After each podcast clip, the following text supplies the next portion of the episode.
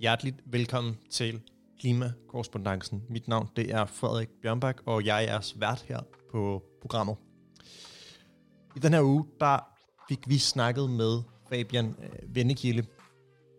Og øh, Fabian, han er skraldeaktivist og har lavet en hel række af aktioner øh, i løbet af de sidste tre år. Han har været rigtig, rigtig god til at komme i medierne og få sat fokus på det absurde madspil, vi har i Danmark. Podcasten blev lige lidt længere, end jeg havde planlagt, men jeg synes, det var det hele værd. Så velkommen til, og jeg håber, vi nyder den her episode.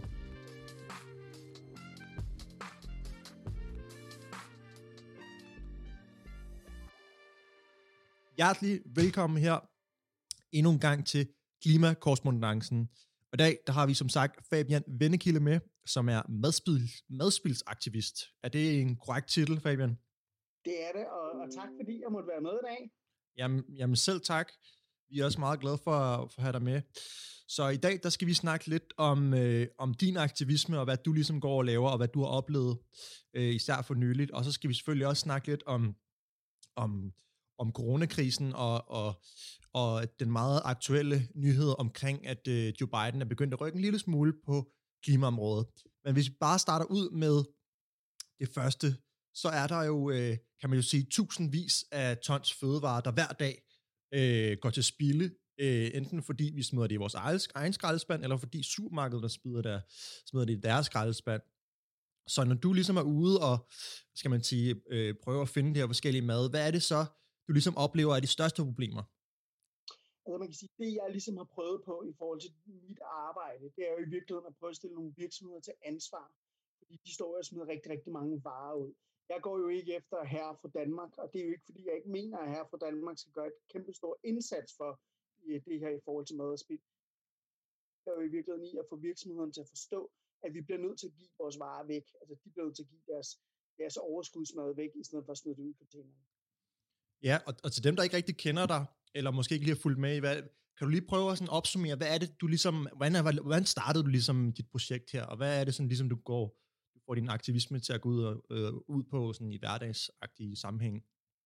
Jo, altså man kan sige, jeg startede jo her for øh, næsten tre år siden, hvor jeg lavede min første video, der, øh, hvor jeg i virkeligheden havde skrællet en hel masse varer. Det var både non-food varer, men det var også fødevarer.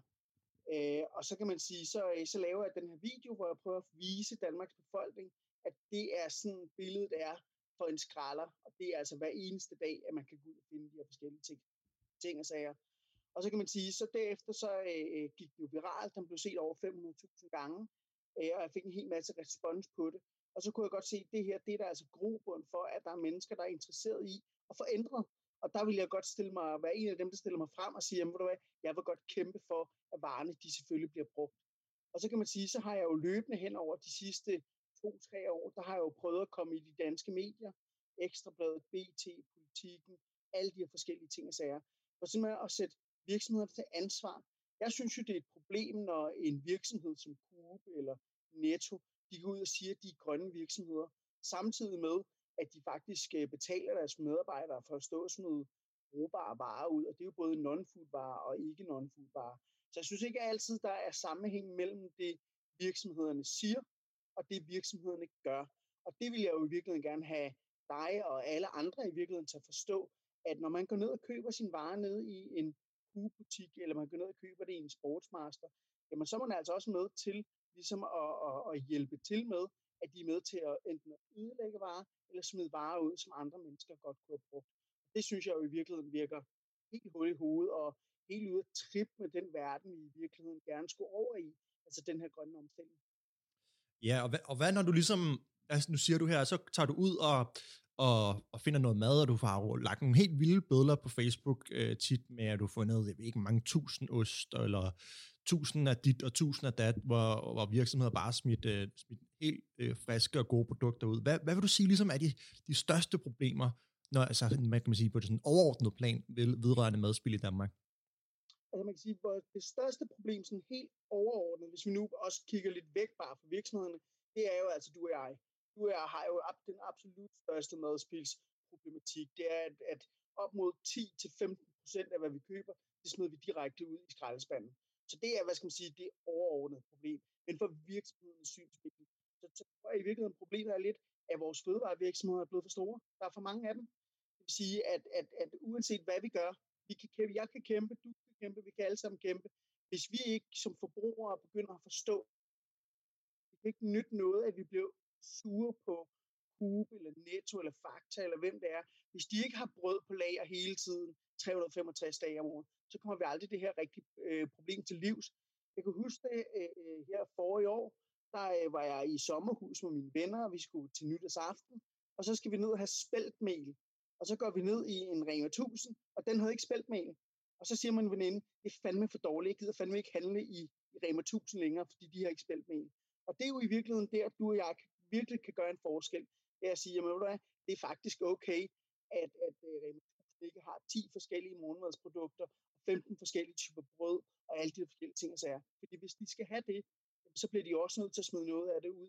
Det giver jo næsten lidt sig selv, eller give det væk, og det er jo en dårlig forretning.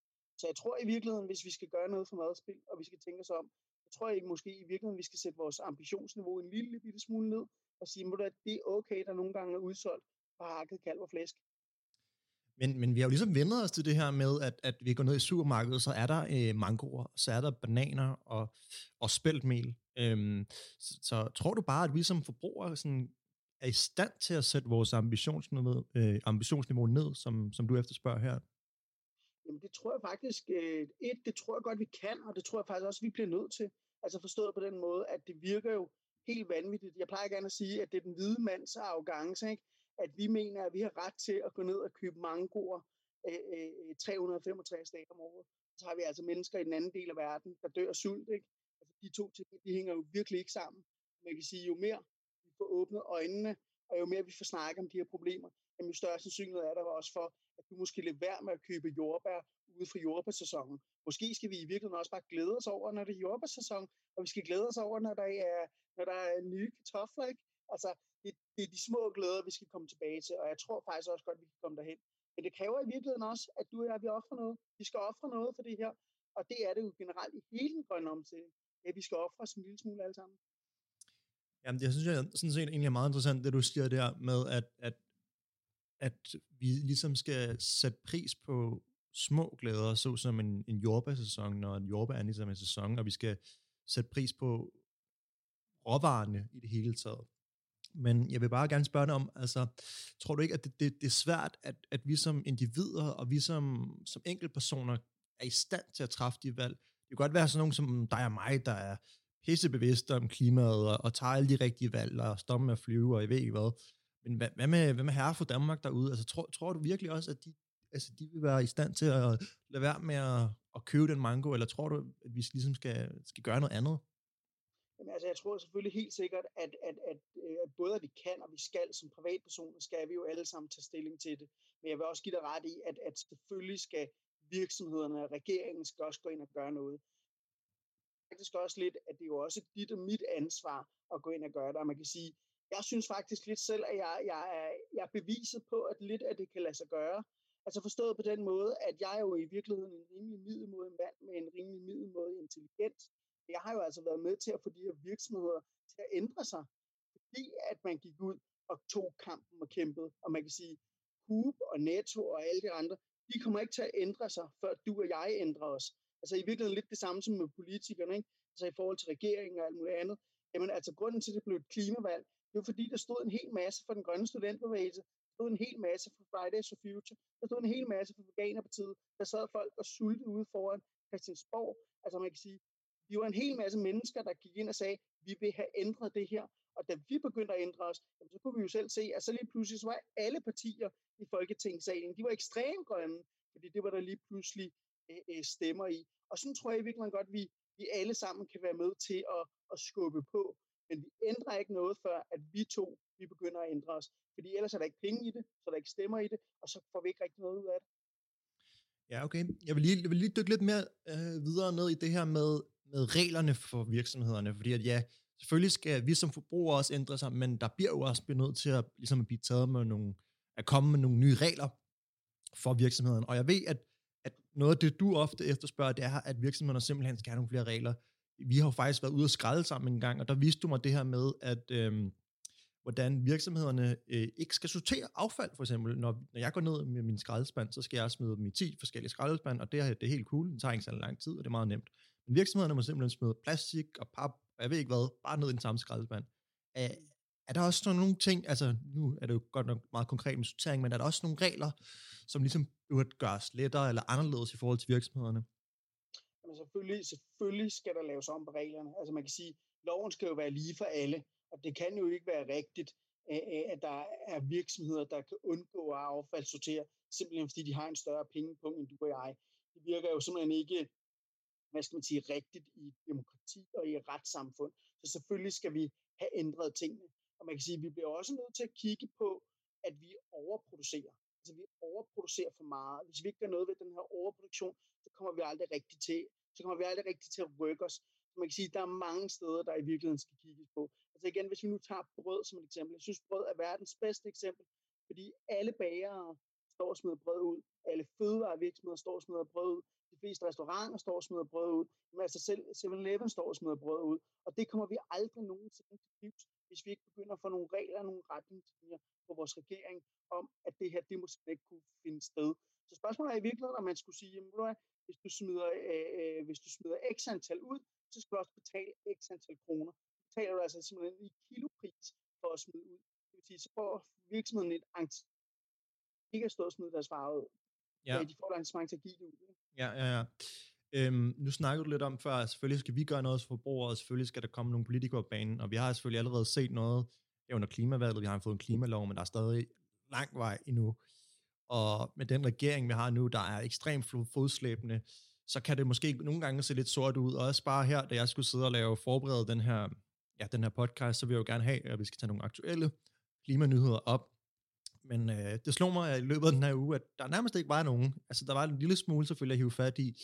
Øhm, og noget, som måske giver min mening at hive fat i næste uge, hvor vi har, hvor vi har en klimaforsker med. Øh, og, men, øh, men altså, der var næsten stort set ikke nogen sådan, mange klimanyheder, så vi skulle fylde en helt podcast ud. Så det kan nogle gange se lidt sort ud, så altså, er der nogle lyspunkter i mørket i forhold til madspil, altså nogle initiativer, som allerede bliver taget nu, hvor du kan se, at det bevæger sig i en rigtig retning? Ja, det synes jeg helt sikkert. Men, først og fremmest vil jeg sige, at jeg må jo opfordre alle mennesker, der sidder og lytter til den her, det er, at selv nu, når vi ikke kan gå på gaden og vise og skabe vores, vores nyheder, så kan man jo altså godt være med til at skabe nyhederne på Facebook. Altså hvis jeg nu lægger en video op, eller I lægger en video op, hvis man går ind og deler, liker, kommenterer, går ind og tagger politikerne, går ind og tagger virksomhederne, så er der altså også en sandsynlighed for, at når du og jeg eller alle mulige andre skal sidde og ringe til Øh, Ekstrabladet, BT og alle de andre, så vil de også gerne tage historierne. Altså hvis, hvis, vi, hvis vi er, øh, hvad skal man sige, Facebook-krigere derude. Så det må være min helt klare opfordring. Man kan sige, at i forhold til madspilsfronten, så sker der fantastiske ting i øjeblikket. Virkelig. Øh, vi har lige, der er lige blevet lavet en aftale, at Netto de begynder med 100 butikker og donere deres varer ud til Stop Spil Lokal, altså den her lille forening, som der faktisk ikke er så lille længere, så ganske gratis dele deres varer ud øh, altså Nettos varer ud. Man har lavet en aftale med, med Fødevarebanken også, så man må sige, der sker noget. Og hvad var det, der skete, da Netto gik på banen? Så kommer Coop selvfølgelig også på banen. Fordi man må heller ikke misforstå, at det her det er jo også et konkurrenceelement for virksomhederne imellem. Det kan du se, hvis man nu slår op i, i Rema 1000's øh, øh, hvad hedder det, øh, tilbudsavis, jamen der har de simpelthen slået op, at de bekæmper madspild.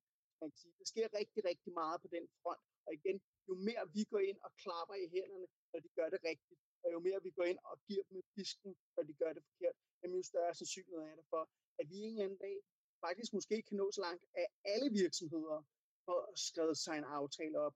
Men jeg må så også indrømme at sige, det at virksomhederne laver de her aftaler, det er jo altså kun et plaster på et blødende sår. Altså igen, vi bliver nødt til at producere vores varer anderledes. Nødt til at købe vores varer anderledes. Og hvis vi ikke gør det, så kommer vi ikke, så kommer vi ikke det her til livs. Så bliver det bare, at vi giver ud, og så kan man stå og sige, ej, prøv at se, hvor dygtige vi er. Men, men problemet er der jo i virkeligheden stadigvæk, det er, at der bliver overproduceret. Ja, så, og, det er jo, og det er jo et stort problem ligesom at løse det her overproduktion, fordi det også altså, ligesom skrider over grænserne, at, at vi får importeret også en masse fødevarer, så nogle andre overproducerer. Men, men så, så hvordan ser du ligesom, at man måske eventuelt på en aktivistisk måde. Vi kan jo godt lide i, det her, i den her podcast at ligesom dykke ned i aktivismen og finde ud af, hvordan, hvordan man ligesom fandt frem til løsningerne.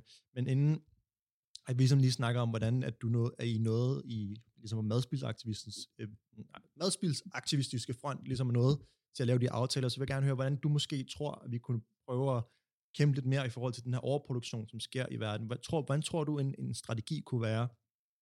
Øh... Altså en strategi, det er jo i virkeligheden at begynde derhjemme selv og sige, jamen altså nu laver man en madplan, og så begynder man sådan at bruge varerne. Det vil sige, hvis du nu øh, den ene dag laver spaghetti med kødsovs, jamen så dagen efter, så vælger du at lave lasagne ud af det kødsovs, der var til overs, og dagen efter igen, så laver du det til wraps, og dagen efter laver du til chili con carne. Altså man simpelthen genbruger sit varevæsen bedre, men gennemtænker sine ting. Det er helt klart en måde. Altså en anden måde, hvordan man også som, som hvad skal sige, privatperson kan være med til at skubbe virksomhederne. Det var, jeg gik ind i en Rema 1000 butik, og der ser jeg, at de har sat deres brød ned. Der står sådan en god pris, hvor der står nedsat, at vi kan være madspil. Så tog jeg et billede af den, og så tog jeg, så tog jeg et billede af den originale pris. Den originale pris var på 7,5, de har sat, øh, øh, og den pris, jeg sat ned til, var det på 6,5. Det vil sige, de har sat ned med 1 krone. Da jeg gik hen og tog et billede af det og lagde det op på Facebook, det gik der jo ikke særlig lang tid, så blev jeg kontaktet af Rema 1000, og så begyndte Rema 1000 faktisk at lave øh, øh, en køreplan for, hvor meget de skal sætte deres varer ned med. Det vil sige, hvis man begyndte ligesom at skubbe til virksomheden og sige, hallo Netto, hallo jer alle sammen, det er jo ikke, de bekæmper jo ikke madspil ved at sætte deres varer ned med 1 krone. De skal jo sætte ned med minimum 50 procent. Jamen så er man jo altså med til at skubbe virksomhederne over i den rigtige retning. Altså man er med til at præge virksomheden. Og det er i virkeligheden det, jeg, jeg tror, vi skal over til. Det at vi skal begynde at præge virksomhederne mere ved at, at bruge vores stemme. Især nu, når vi ikke kan komme ud på gaderne. Det er jo i virkeligheden det, der er vores allesammens problem i øjeblikket. Det er, at vi sidder hver for sig og har måske lidt svært ved at finde ud af, hvilken type aktivisme kan jeg lave fra min dagligstue af. Der er den absolut bedste aktivisme, du kan lave. Det er den, du kan lave på nettet. Prøv at tænke på, hvis vi alle sammen, alle os, der lytter med nu, sætter os ned på onsdag og skrev et læsebrev ind til Ekstrabladet, lavede, øh, skrev et læsebrev ind til øh, politikken, BT, dem alle sammen, så kan jeg garantere dig for, får de 100 læserbrev alle sammen, så går der ikke lang tid, så får vi en artikel i et eller andet sted, så er vi altså med til at skubbe med på den her dagsorden. Det, det kræver, at man sætter sig ned og skriver det læsebrev. Så det du siger her er i virkeligheden i forhold til den aktivistiske del her, og, og det du også selv, selv gør i dit eget arbejde, det er, at digital aktivisme og digital prægning af ja, både virksomheder og magthaver er noget af det, du har haft mest succes med her, her under coronakrisen, hvor vi ikke har kunne vise vores tilstedeværelse på gaden. Eller hvordan ja, helt sikkert, helt sikkert. Det er, det er den absolut bedste måde. Altså, man kan også sige, mit problem, det er jo i virkeligheden også ligesom alle andres problemer i øjeblikket. Det var, at, at, at når vi går ud og finder en eller anden stor ting, her for eksempel hen over jul og nytår, der fandt vi rigtig, rigtig meget non-food varer i Nettos container. Havde det været på et hvilket som helst andet tidspunkt, så havde vi jo lavet en demonstration ude for en netto. Så havde vi lavet et eller andet ude for en netto. Det kan vi ikke i øjeblikket. Det vil sige, at der er vi meget afhængige af, eller jeg er meget afhængig af, at der sidder nogle Facebook-krigere rundt omkring, og er med til at dele, like, kommentere, er med til at tagge netto. Øhm, altså igen, jeg har jo altså folk, som der følger mig, der hver eneste gang, jeg lægger et eller andet op, der skriver de simpelthen en, et brev til Netto. Det vil sige, Netto er altså også ved at være jævnt træt af alle de mennesker, og alle de breve, der kommer ind til dem. Og det betyder, at, at det er rigtig, rigtig dårligt, øh, øh, hvad skal man sige, øh, øh, publicity for NATO. Jamen, så har de jo to muligheder. Enten så, så øh, må de ændre sig på tingene, eller så må de prøve at skjule tingene. Og man kan sige, at nogle gange der er det altså lidt svært at skjule tingene, så er det altså nemmere at gøre noget ved de reelle problemer i vores samfund. Og det er i virkeligheden det, vi begynder så småt at se. Men, men det er jo rigtig, rigtig svært, fordi vi ved jo alle sammen godt, det er pisse svært at komme ud i øjeblikket. Ikke? Altså, ja, ja. Vi, vi kan jo ikke rigtig nå noget som helst. Ja, selvfølgelig. Jeg tænker bare her, øhm, så, så hvis du ligesom skulle komme med en opfordring til, til altså andre aktivister, øhm, som sidder derude øhm, og, og gerne vil i gang igen, eller gerne vil, gerne vil, vil prøve at forandre et eller andet i forhold til den sag, de nu kæmper for, altså hvad, hvad, hvad kunne være sådan dine tre opfordringer, helt konkrete opfordringer til noget, man kunne gå i gang med i dag? Jamen, altså, øh, øh, en opfordring, det er at skrive læsebrev. Altså skriv simpelthen så mange læsebrev ind, du overhovedet kan. Hvis du hver dag sender et læsebrev ind til, en, til den samme avis på et eller andet tidspunkt, så tager de dit læsebrev. Øh, øh, og man kan sige, at den anden ting er jo at melde, dig, melde sig ind i den grønne studentbevægelse, melde sig ind i Friday for Future, melde sig ind i Veganerpartiet, alle de her grønne organisationer, der gerne vil noget. for eksempel nu her i dag, mens vi sidder og snakker, der sidder øh, Fridays for Future og render rundt, rundt omkring i hele Københavnsområdet og samler skrald op. Og så kan man sige, det kan man jo godt gøre sammen, hver for sig, hvor man simpelthen øh, øh tager billeder af, prøv at se, hvor meget skrald vi i virkeligheden fandt. Det er jo også en måde, øh, og hvad kan man sige, igen, skubbe på og hjælpe til på, uden at man i virkeligheden kommer ud over de her coronarestriktioner, som vi alle sammen selvfølgelig prøver at gøre alt, hvad vi overhovedet kan for at følge, men som, som så samtidig gør det enormt svært for os. Ikke? Og så kan man sige, den, den vigtigste ting, og det mener jeg faktisk, det må være den absolut vigtigste ting, det er, at vi hele tiden kigger på, hvad kan jeg gøre i min hverdag for at mindske mit CO2-forbrug? Hvad kan jeg gøre for ikke at smide den flaske mælk ud? Hvad kan jeg gøre for at skubbe min mor, min bror, mine venner, min familie? Altså hvis vi alle sammen, som jeg plejer at sige i forhold til kød, hvis vi nu alle sammen bare spiste 20% mindre, det faktisk også være en sandsynlighed for, at vi kunne begynde at producere 20% mindre af kød. Det vil sige, det vil jo altså falde CO2 markant hvis vi alle sammen begyndte at tage mere ansvar. Og det kan vi altså, hvis vi gør det fra mund til mund og hjælper hinanden.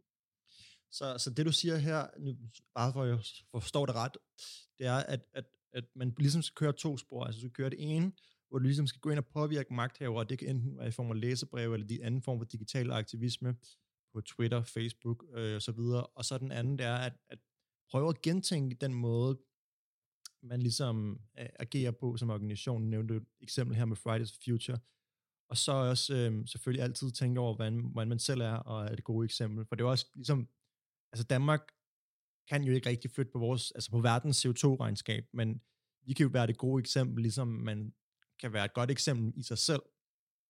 Mm.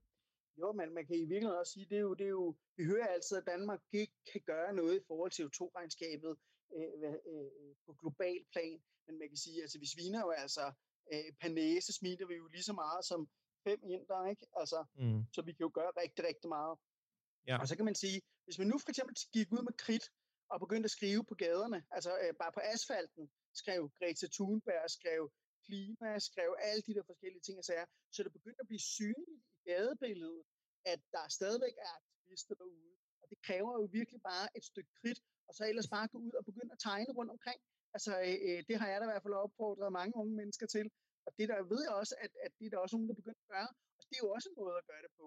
Altså, man skal selvfølgelig lade være med at gøre det på huse og på ting og sager, på biler og sådan noget. Men hvis man gør det på, på, på asfalten og sådan noget, så er jeg helt sikker på, at, at det kan også være en måde at vise sin, sin øh, øh mening og holdninger på. Det vil også blive lagt mærke til, helt sikkert. Ja, fordi det er jo lidt øh, interessant, øh, det her fænomen med, at øh, vi er så mange derude, som går op i det her med klima, og NASA siger, at vi igen har et nyt rekordår. Det er en, igen de højeste temperaturer, der er målt nogensinde, og FN udgiver en rapport, der siger, at vi er på vej over de 3 grader, nærmest uanset hvad vi gør noget, og vi ser CO2-emissioner, øh, der er på vej op før øh, et coronaniveau. Og i den her uge, tror jeg også, det er udgav en artikel, der skriver, at øh, afsmeltningen af verdens iskarper foregår 60% hurtigere end bare for 25 år siden. Men samtidig så ser vi jo det her med, at ingen snakker om det. Der er en artikel, altså jeg var inde og tjekke i forberedelsen af podcast, og jeg var inde og tjekke, hvad det er, hvad de har skrevet om klima den her uge. Der var en artikel. Altså en ny artikel, mm. de havde postet. Og så måske et eller andet explainer, sådan, sådan run, viser du, laver en plante, men, men der er spørgsmålet i virkeligheden også lidt, om vi skal gribe i egen barm, ikke? Altså nu ja. så jeg så uh, Clemens for nogle uger siden, som der i virkeligheden også går ud og siger, jamen det her, det er jo faktisk det pæneste ungdomsoprør, vi nogensinde har set forhold til klimaet. Yeah. Og det er ikke fordi, at, at klimaet er ikke nødvendigvis kun for unge mennesker, men det er det pæneste oprør, folkeoprør i forhold til det, vi har. Der sidder vi laver en fin podcast, eller mm. sidder og skriver et pænt læserbrev, eller alle de der forskellige ting og sager. Altså det kunne også godt være, at man på et eller andet tidspunkt skulle sige, ved du hvad, altså, øh, så begynder vi at strække for at gå i skole, eller vi begynder sådan at skrue bissen en lille smule mere på, så, så politikerne og så alle andre i virkeligheden begynder at skælde os ud og sige, ej, I skal også gå i skole, og I burde også tage jer sammen. Fordi lige så snart den debat kommer, så er der altså også nogen, der, der begynder at stille os spørgsmål. Hvorfor er det, I gør, som I gør? Og man kan sige, så er der jo en sandsynlighed for, at det er kommet ud med et program om, om vores aktivisme. Så er der jo en sandsynlighed for, at der er andre tv-programmer eller radioprogrammer, der begynder at lytte mere til os. Så, så, så jeg tror også, at vi måske efterhånden måske skal begynde at tage fløjshandskerne en lille smule af, øh, øh, og være lidt, lidt hårdere i filten, når vi skriver og måske komme ud med lidt mere provokerende øh, udmeldinger, når man snakker med journalisterne. Ikke? Mm. Fordi jo, altså, vi, problematikken ligger jo i virkeligheden også lidt i, at vi kæmper jo i virkeligheden om taletiden i det her land. Det vil sige, altså, er det, er det, er det øh, Men in Black, der får taletiden? Er det Rasmus Paludan, der får taletiden? Er det Inger Støjberg, der får taletiden? Eller er det klimabevægelsen, der får taletiden? Det kommer desværre meget an på, hvor grove vi bliver lidt i retorikken. Og det er ikke fordi, jeg billiger, at man skal være uforskammet og grov, men det er også bare lidt den verden, jeg kalder det Trump, øh, Trump-effekten. Ikke? Altså jo voldsommere du er i din retorik, jamen, jo mere taletid får du, og jo flere mennesker er der også, der lytter til dig. Og det er desværre sandt, ikke? Men tror du, tror du, der ville være flere mennesker, der lyttede til en, hvis man var mere voldsom? Altså, eller tror du, at det også det måske kunne skræmme nogen væk? Jamen, jeg er da helt med på, at det kan skræmme nogen væk, men man kan sige, hvis, hvis, øh, hvis jeg nu gik ud og, og, og kidnappede den lille havfrue, og, og, og, og fjernede hende i tre dage, så kan jeg garantere dig for, så vil alle ja. danske medier lige pludselig begynder at snakke om den lille havfrue. Og når de finder ud af, at det er mig, der har taget den lille havfrue, så vil alle mennesker spørge, hvorfor har du taget den lille havfrue? Og så kan jeg komme ind og sige, jamen det er altså fordi, at jeg lige har læst en artikel om, at 4.000 forskere går ind og siger, at hvis vi som unge mennesker ikke begynder at gøre noget ved det her, så har det altså øh, konsekvenser for vores liv, for vores børn, for vores børnebørn. Så kan vi komme med alle de super argumenter, men vi bliver nødt til ligesom at have noget, der siger, se på mig-agtigt, øh, fordi først der begynder vi at lytte til det. Og jeg kan garantere dig for, hvis vi for eksempel overførte den lille havfru, så vil alle medier i hele det her land stille sig op og snakke med os. Ja, og jeg ved jo, at du er jo en mand, som har haft rigtig, rigtig, rigtig meget succes med at komme i medierne, og, og, og ligesom komme ud med dit budskab. Øhm, så jeg synes måske, det kunne være spændende at høre, altså, hvad, hvad er din egen erfaring? Altså, hvad, hvad har du selv gjort øh, for ligesom at komme i medierne? Komme med nogle eksempler måske? Jamen altså man kan sige, det jeg har gjort, det er, at jeg er meget vedholdende. Det vil sige, at jeg har fundet ud af, at øh, Ekstrabladet og Lorry, de holder øh, morgenmøde kl. kl. 9.30, og jeg ved, at øh, der prøver de ligesom at se, hvad for nogle nyheder er oppe, og så skal de ud og finde historie de næste to timer. I, lige efter morgenmødet, der ligger jeg og ringer til TV2 Lorry, der ligger jeg og ringer til Ekstrabladet, der ligger jeg og ringer til dem alle sammen. Det vil sige, de begynder at kende mig, de begynder at vide, hvem jeg er, og det vil sige, at det har rigtig, rigtig meget effekt. Og så kan man sige, så hver eneste gang, jeg får muligheden for at komme i et eller andet form for tv-program, så opfører jeg mig lidt ud over det sædvanlige. Som første gang, der var jeg øh, øh, i aftenshowet, hvor Mette Frederiksen sidder derinde, og vi skal sidde og snakke om det her. Og der kunne jeg godt have været den pæne mand, der sad med mit placerede hår og det ene og det andet. Tværtimod, der vælger jeg faktisk at spørge Mette Frederiksen, Mette Frederiksen, skal du ikke med mig ud og skralde? Og første gang, der svarer hun ikke, og så siger jeg til hende en gang til, men hvis du går så meget op i klima, så må du da også tage med mig ud og skralde og se virkeligheden. Og da hun ikke svarer der, så spørger jeg hende, kunne hjælpe mig en gang til. Og det er det sidste, jeg spørger om, inden kameraet slukkede, det var, om hun skulle med. Og til sidst, der blev hun nødt til at sige ja, fordi det ville fandme også være pinligt for hende, at hun sagde nej. Ja. Det vil sige, at hvis du presser dem så meget, og kører dem så meget op ad væggen, især hvis du kører i en radioprogram, øh, som der er live, eller et tv-program, der er live, der kan du altså væsentligt bedre sætte magthaverne op ad væggen, fordi der har du dem stående lige der, og der, heller, der gælder der egentlig om at være vedholdende. Ikke? Og så kan man sige, så har jeg jo prøvet sådan noget som at lave demonstrationer ude foran Coop. Jeg klister mig fast ind til Coops hovedkontor, øh, øh, fordi de havde ødelagt og skåret i tøj. Øh, og det kom der også en hel masse polemik med, fordi det betød jo, at Coop blev nødt til at gå ud og fortælle omverdenen, at de også måtte gøre noget ved det. Og så lige snart Coop spille bold, så spiller vi jo bold frem og tilbage lige pludselig. Jeg ved jo også, at det var dig blandt andet, der stod bag den her aktion med døde smågris i København. Kan du prøve at fortælle lidt om, hvad der kom ud af det? Jamen altså, man kan sige, øh, vi lavede aktionen, fordi at de er, altså når jeg går ud i, øh, i containerne, altså lige her efter jul, der fandt vi 10 kilo øh, øh, flæskesteg, der var blevet smidt ud. Ikke? Og det er jo altså de her, altså som jeg bare sige, de her grise, de er mishandlet, de er misbrugte, de er ødelagt på forskellige måder. Og udover det, så ødelægger de også vores klima, de ødelægger vores luftforurening, de ødelægger mange forskellige ting og sager. Så derfor tog vi, så kørte vi rundt, og så skrællede jeg i anførselstegn en hel masse grise, og så lagde jeg dem rundt omkring i København i sådan nogle små plastikkasser, og så lagde jeg dem inde i, øh, øh inde foran, øh, ja nu kan jeg ikke engang huske, hvad det var, jeg lagde dem, det var inde foran øh, Landbrug og Fødevare, øh, øh, højskolen der på Frederiksberg. Og man kan sige, fordi blev så voldsomt, som det blev, jamen så skrev alle aviser om det ja, næste morgen. Præcis. vi var i Ritzau, vi var i øh, jamen, Ekstrabladet, BT, Politikken, dem alle sammen stod i kø for at snakke med os. Og der kan man sige igen, hvis du er rigtig, rigtig voldsom i din retorik og i din måde at gøre det på, så vil de godt snakke med dig. Men det er så vigtigt, at når du har fået din taletid, så skal du bruge den fornuftigt. Ikke? Altså sådan er det ikke noget, du bare står og råber, øh, ja. I er også bare dumme og grimme og klamme og sådan noget. Altså der skal du virkelig være skarp i, at øh, øh, øh, i Danmark, der er hæsende ulovligt, øh, øh, til trods for, at det er ulovligt i EU og systematisk halekopere, og så gør vi det. Det vil sige, så kom der lige pludselig en debat, en debat omkring det. Og det er jo altså også en måde at hjælpe sådan nogen som Veganerpartiet på, i virkeligheden at støtte deres kamp, det de gerne vil. Ikke? Mm. Ja, fordi at jeg tænkte der først, da jeg så det der med de døde grise, altså, wow, hvad, hvad fanden er det for nogle altså, idioter, der, der gør det? Men så da jeg så jeres begrundelse og, og jeres argumentation i medierne, så synes jeg, okay, det, det var sgu en god aktion, det der. Det, det fungerede godt, og sådan, men det kunne man hurtigt, altså, man kunne hurtigt sætte sig ind i argumentationen, man kunne hurtigt sætte sig ind i ideen bag aktionen, og jeg synes, at, at, at, at den aktion ligesom gav mening i, i det budskab, med, altså med det budskab, ligesom ville have ud. Selvfølgelig. Og så kan man sige, når, når man skal lave sådan en aktion, så er det jo rigtig godt at få snakket med, hvad skal man sige, de, de mellemstore medier, sådan nogle som TV2 Eko. Dem hæver jeg jo fat i at ringe til TV2 Eko og sagde, nu skal I prøve at høre her, jeg laver den her aktion, vil I ikke være med? Jo, det vil de rigtig gerne være med til. Ikke? Så man kan sige, du skal også ligesom have fat i et medie og sige, vi laver den aktion, og den laver vi på lørdag. Vil mm. I ikke skrive om den? Ja. Og jo igen, jo voldsommere den er, jo større sandsynlighed er det for, at de siger ja. Og når du først har et medie, som der vil dække dig lidt bredere, så får du lov til at komme ud med alle dine argumenter. Ja. Tror du, at det, at det ligesom er et problem for os? Altså, du nævnte jo også lidt her før, at vi, vi er søde og bløde drenge i klassen, og så, øhm, og ja, selvfølgelig er der Extinction Rebellion, men det er jo ligesom deres brand, ikke? Altså sådan, at, at de skal være lidt vilde, så det, er jo ikke, det kommer jo ikke rigtig sådan nogen overraskelse, når de ligesom er det. Men tror du altså generelt set, at, at, at vi er sådan her i Danmark, at hele den her bevægelse, både i forhold til fødevare, i forhold til klima, at, at vi er for søde, at vi er for altså, rolige? Ja, det, det, det, det synes jeg helt sikkert.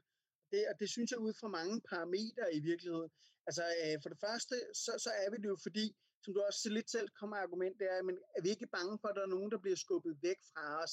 Er vi ikke bange for at, at blive øh, betragtet som de grimme drenge i klassen? Øh, øh og man kan sige, vi må bare erkende, at de grimme drenge i klassen, Rasmus Paludan, Trump, øh, øh, alle de der, de kommer jo vidderligt frem og får alle deres argumenter frem. Og man kan sige, det er jo først et tidspunkt, at folk de hører dine argumenter, at de kan tage stilling til det, du mener. Så man kan sige, jeg mener helt sikkert, at vi skal begynde at skrue op for volumen og skrue op for aktivismen, men stadig i en retning. Altså jeg har jo den regel, der siger, det må aldrig nogensinde gå ud over nogle mennesker. Nej. Og det må ikke, du må ikke ødelægge andre menneskers ting, og du må ikke sætte andre mennesker i fare. Hvis du kan holde dig inden for de ligesom, tre retningslinjer, så kan du faktisk tillade dig at gå rigtig, rigtig, rigtig, rigtig langt, uden at det bliver rigtig slemt. Ikke? Så skal man altid øh, øh, prøve at have rygdækning i forhold til advokater og alt muligt andet. Det var også det, vi gjorde ved kriseaktionen. Der havde vi jo snakket med advokater og ting og sager, for at være sikker på, at vi ikke lige pludselig gjorde et eller andet, som der fængsel. Men nu havde jeg øh, Maria Rømer, øh, Rømer Gæring fra Danmarks Naturfredningsforening studie, studiet, eller ikke i studiet, øh, med på podcasten øh, sidste uge. Der snakker vi lidt om det her med, at klimabevægelsen ligesom har forskellige roller. Nogle grønstønderbevægelser har måske været kendt for at være de flinke drenge, ikke? altså de søde drenge, der er med i deadline, og uha, vi skriver læsebrev-politikken, hvor XR måske er kendt for at være på gaden, og ja, Fridays Future holder nogle demonstrationer, og Danmarks Naturfredningsforening er meget sådan lobbying, og, og med, med, men tror du ikke, at mm. der også er brug for, at vi har forskellige roller, eller, eller ser du virkelig, at det er alle på tværs af alle organisationer, vi har brug for at være mere fremme i skoene? Altså, altså ja, selvfølgelig har vi forskellige roller. Altså det har vi helt sikkert. Men vi skal alle sammen være mere fremme i skoene. I forhold til mest til mit eget felt, altså madspil, mm. der valgte jeg jo, da jeg startede ud, der var jeg jo the bad guy. Der var jo ham, der stod og råbte og skreg og kastede med tingene og ødelagde ting. Men det var jo i virkeligheden fordi, at så skulle vi jo gerne have presset virksomhederne over i favnen på alle de, hvad skal man sige, alle de pæne drenge. Altså Stop Spil Lokal, Crispy hen og Robin Hoods madkammer. Fordi det blev lige pludselig ringer op af de her virksomheder og siger, vil I ikke hente vores varer, så Fabian ikke står og råber af os. Mm. Så man kan sige, i virkeligheden skal det både være pisk og gulerod. Det virker jo absolut allerbedst. Hvis man kan få en eller anden til at være rigtig bad guy, og man kan få sådan nogen som den grønne studentbevægelse til at sige, men løsningen det er det og det og det og det og det, jamen så er vil det klart være det absolut allerbedste. Men der er ikke nogen tvivl om, at vi skal alle sammen begynde at være lidt hårdere i vores retorik. Ellers er jeg bange for, at vi ikke rigtig kommer lige så langt, som vi ønsker det, i lige så stor fart. I det, det handler jo også om hastigheden ja. i det her. Ikke? Altså, vi har altså travlt, hvis vi skal, hvis vi skal nå øh, øh, de ting, vi gerne vil. Ikke? Jo, jeg tænker også her, at især når vi har sådan en, en, en regering, som vi, ser, som vi ser lige nu, ikke? Som, som har lovet og lovet, og snakket og snakket og snakket, men ikke rykker overhovedet, altså så kan man jo, man kan sgu da ikke blive ved med at, at, at være den søde dreng, der skriver debattenlæg i politikken, når, når det ikke virker. Altså, når, når det, der virkede under, under valget, det var, at vi samlede, eller ja, nogen samlede dem, organis, dem, der organiserede Folkets Klimamarsch, samlede 40.000 mennesker derinde. Det var sgu da det, der var virkelig sådan, hvor politikerne var, shit, shit, det er vigtigt, og der kom meningsmålinger ud og sagde, klimaet er det vigtigste i folk, og så var vi sådan, jamen, nu, nu synes vi alle sammen, det er rigtig vigtigt. Ikke? Så, så jeg tror også, vi må lære vores erfaringer. Der, hvor vi virkelig rykkede, det var der, hvor vi havde rigtig mange mennesker bag os, og man kunne se det, og vi var til stede hele tiden. Vi skulle ikke aldrig, aldrig rykke noget ved at skrive debattenlæg i politikken. Nej, det, det er det ikke. Og så kan man måske også sige, at det vi måske i virkeligheden også lidt mangler i Danmark, det er den her frontfigur.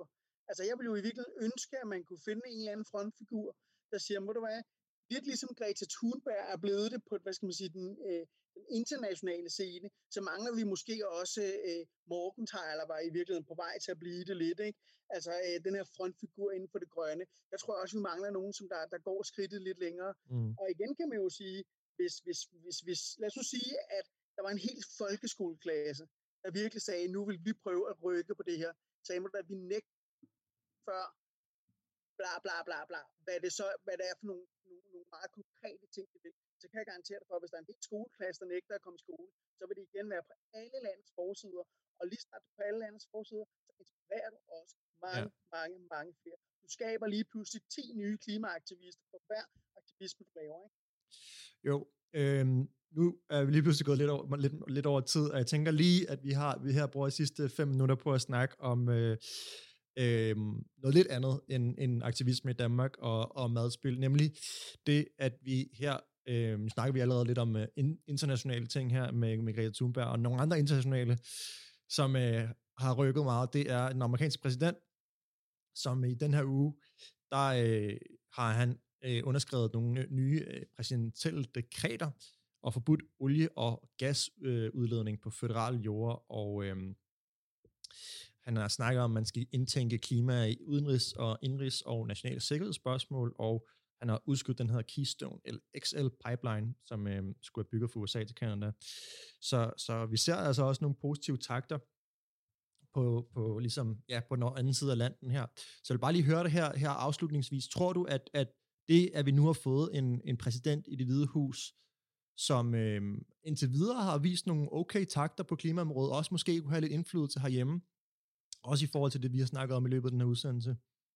Det er der slet ikke nogen tvivl om. Altså man kan sige, alle, især øh, når du har så stort et land som USA, der begynder at råbe op omkring det her, altså der simpelthen også begynder at lave noget reelt klimapolitik, ja. jamen så kan man sige, så kan man forhåbentlig i Danmark blive lidt bange for, om vi mister det, vi kalder vores grønne føreposition, hvilket jeg ikke nødvendigvis mener, vi har, men, men, men, men man kan sige, så rent retorisk, så får vi ligesom konkurrence på den grønne front, så jeg er helt overbevist om, at det hjælper. Og man kan også sige, jeg tror måske virkelig også, det hjælper på alle de lande, der måske ikke er lige så interesseret i det. Det er, at de har jo altid sagt, det kan man også høre fra klimaskeptikerne, at hvis USA ikke er med i Paris-aftalen, så nytter det ikke noget, at vi andre er med -agtigt. Mm. Og man kan sige, når, når, når, når, når Joe Biden han går ind og siger, at vi går tilbage i Paris-aftalen, så er det en kæmpe stærk signalværdi i det. Men man kan også sige, det jeg også godt kan være lidt bekymret for, det er, hvor meget er signalværdi, og hvor meget er, er, er reel politisk handling.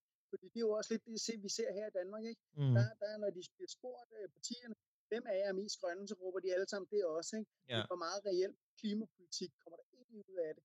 Det synes jeg bliver enormt interessant og spændende at finde ud af, øh, øh, hvor meget det i virkeligheden er snak, og hvor meget af det, der er reelt. Ja, fordi det er jo et meget interessant spørgsmål, det der med, altså USA har jo også under Obama været meget, snakket meget, men måske ikke handlet super meget. Så, så det bliver jo meget spændende at se, om de rent faktisk rykker på, på det her, øh, på de her områder. Jeg tænker bare lige her, som en af de sidste spørgsmål, øh, hvor, hvor synes du ligesom, at det er vigtigt, at, at øh, USA rykker. Det spurgte vi os om i sidste uge, øhm, men nu har vi fået, fået nogle flere konkrete forslag her, eller initiativer i løbet af nu. Hvor, hvor synes du, det er vigtigt, at USA også begynder at markere sig? Jeg synes, det ville være ekstremt fantastisk, hvis USA gik absolut allerforrest og lavede de her CO2-kvoter. Altså man simpelthen øh, begyndte, at virksomhederne skulle begynde at betale for det CO2. Det ville jo også være rigtig, rigtig, øh, hvad skal man sige, det ville jo klæde alle politikere, hvis vi også begyndte at snakke om, at den, der sviner, betaler. Altså, at, at det kan ikke være rigtigt, at virksomhederne kan få lov til at slippe fri for deres svineri igen. Det ville jo også klæde rigtig meget Danmark, hvis vi begyndte at lave loven lige for alle, så vores fødevarevirksomheder selvfølgelig skal affaldssortere på samme vilkår som alle andre. Det kan jo ikke være rigtigt, at der er en mand øh, øh, i Horsens, der får en bøde på 1.500 kroner, fordi han ikke har vasket sit syltetøjsglas, og så har vi Coop, der står og smider 35 øh, øh, syltetøjsglas ud, fyldt med syltetøj. Ikke? Altså, øh, øh, så, så, så jeg tror, hvis, det, hvis vi virkelig skal rykke på noget, så skal vi altså komme væk fra at snakke, og så simpelthen begynde at lave reelt behandling. Og det synes jeg er en meget god afslutning af her, at vi gik fra Joe Biden til syltetøjsglas i Coop. øhm, tusind tak, fordi at du vil øh, bruge din øh, lørdag eftermiddag her, søndag eftermiddag er det, øhm, på at være med her i klimakorrespondancen Fabian Vendekilde. Øhm, jeg håber, at øh, du har en fortsat god søndag, og så, øh, så ses vi, ikke? Det gør jeg i hvert fald, og tak fordi du har været med, og igen til alle jer klimaaktivister derude, ud og give den gas ud på Facebook, det er der, vi rykker noget i øjeblikket.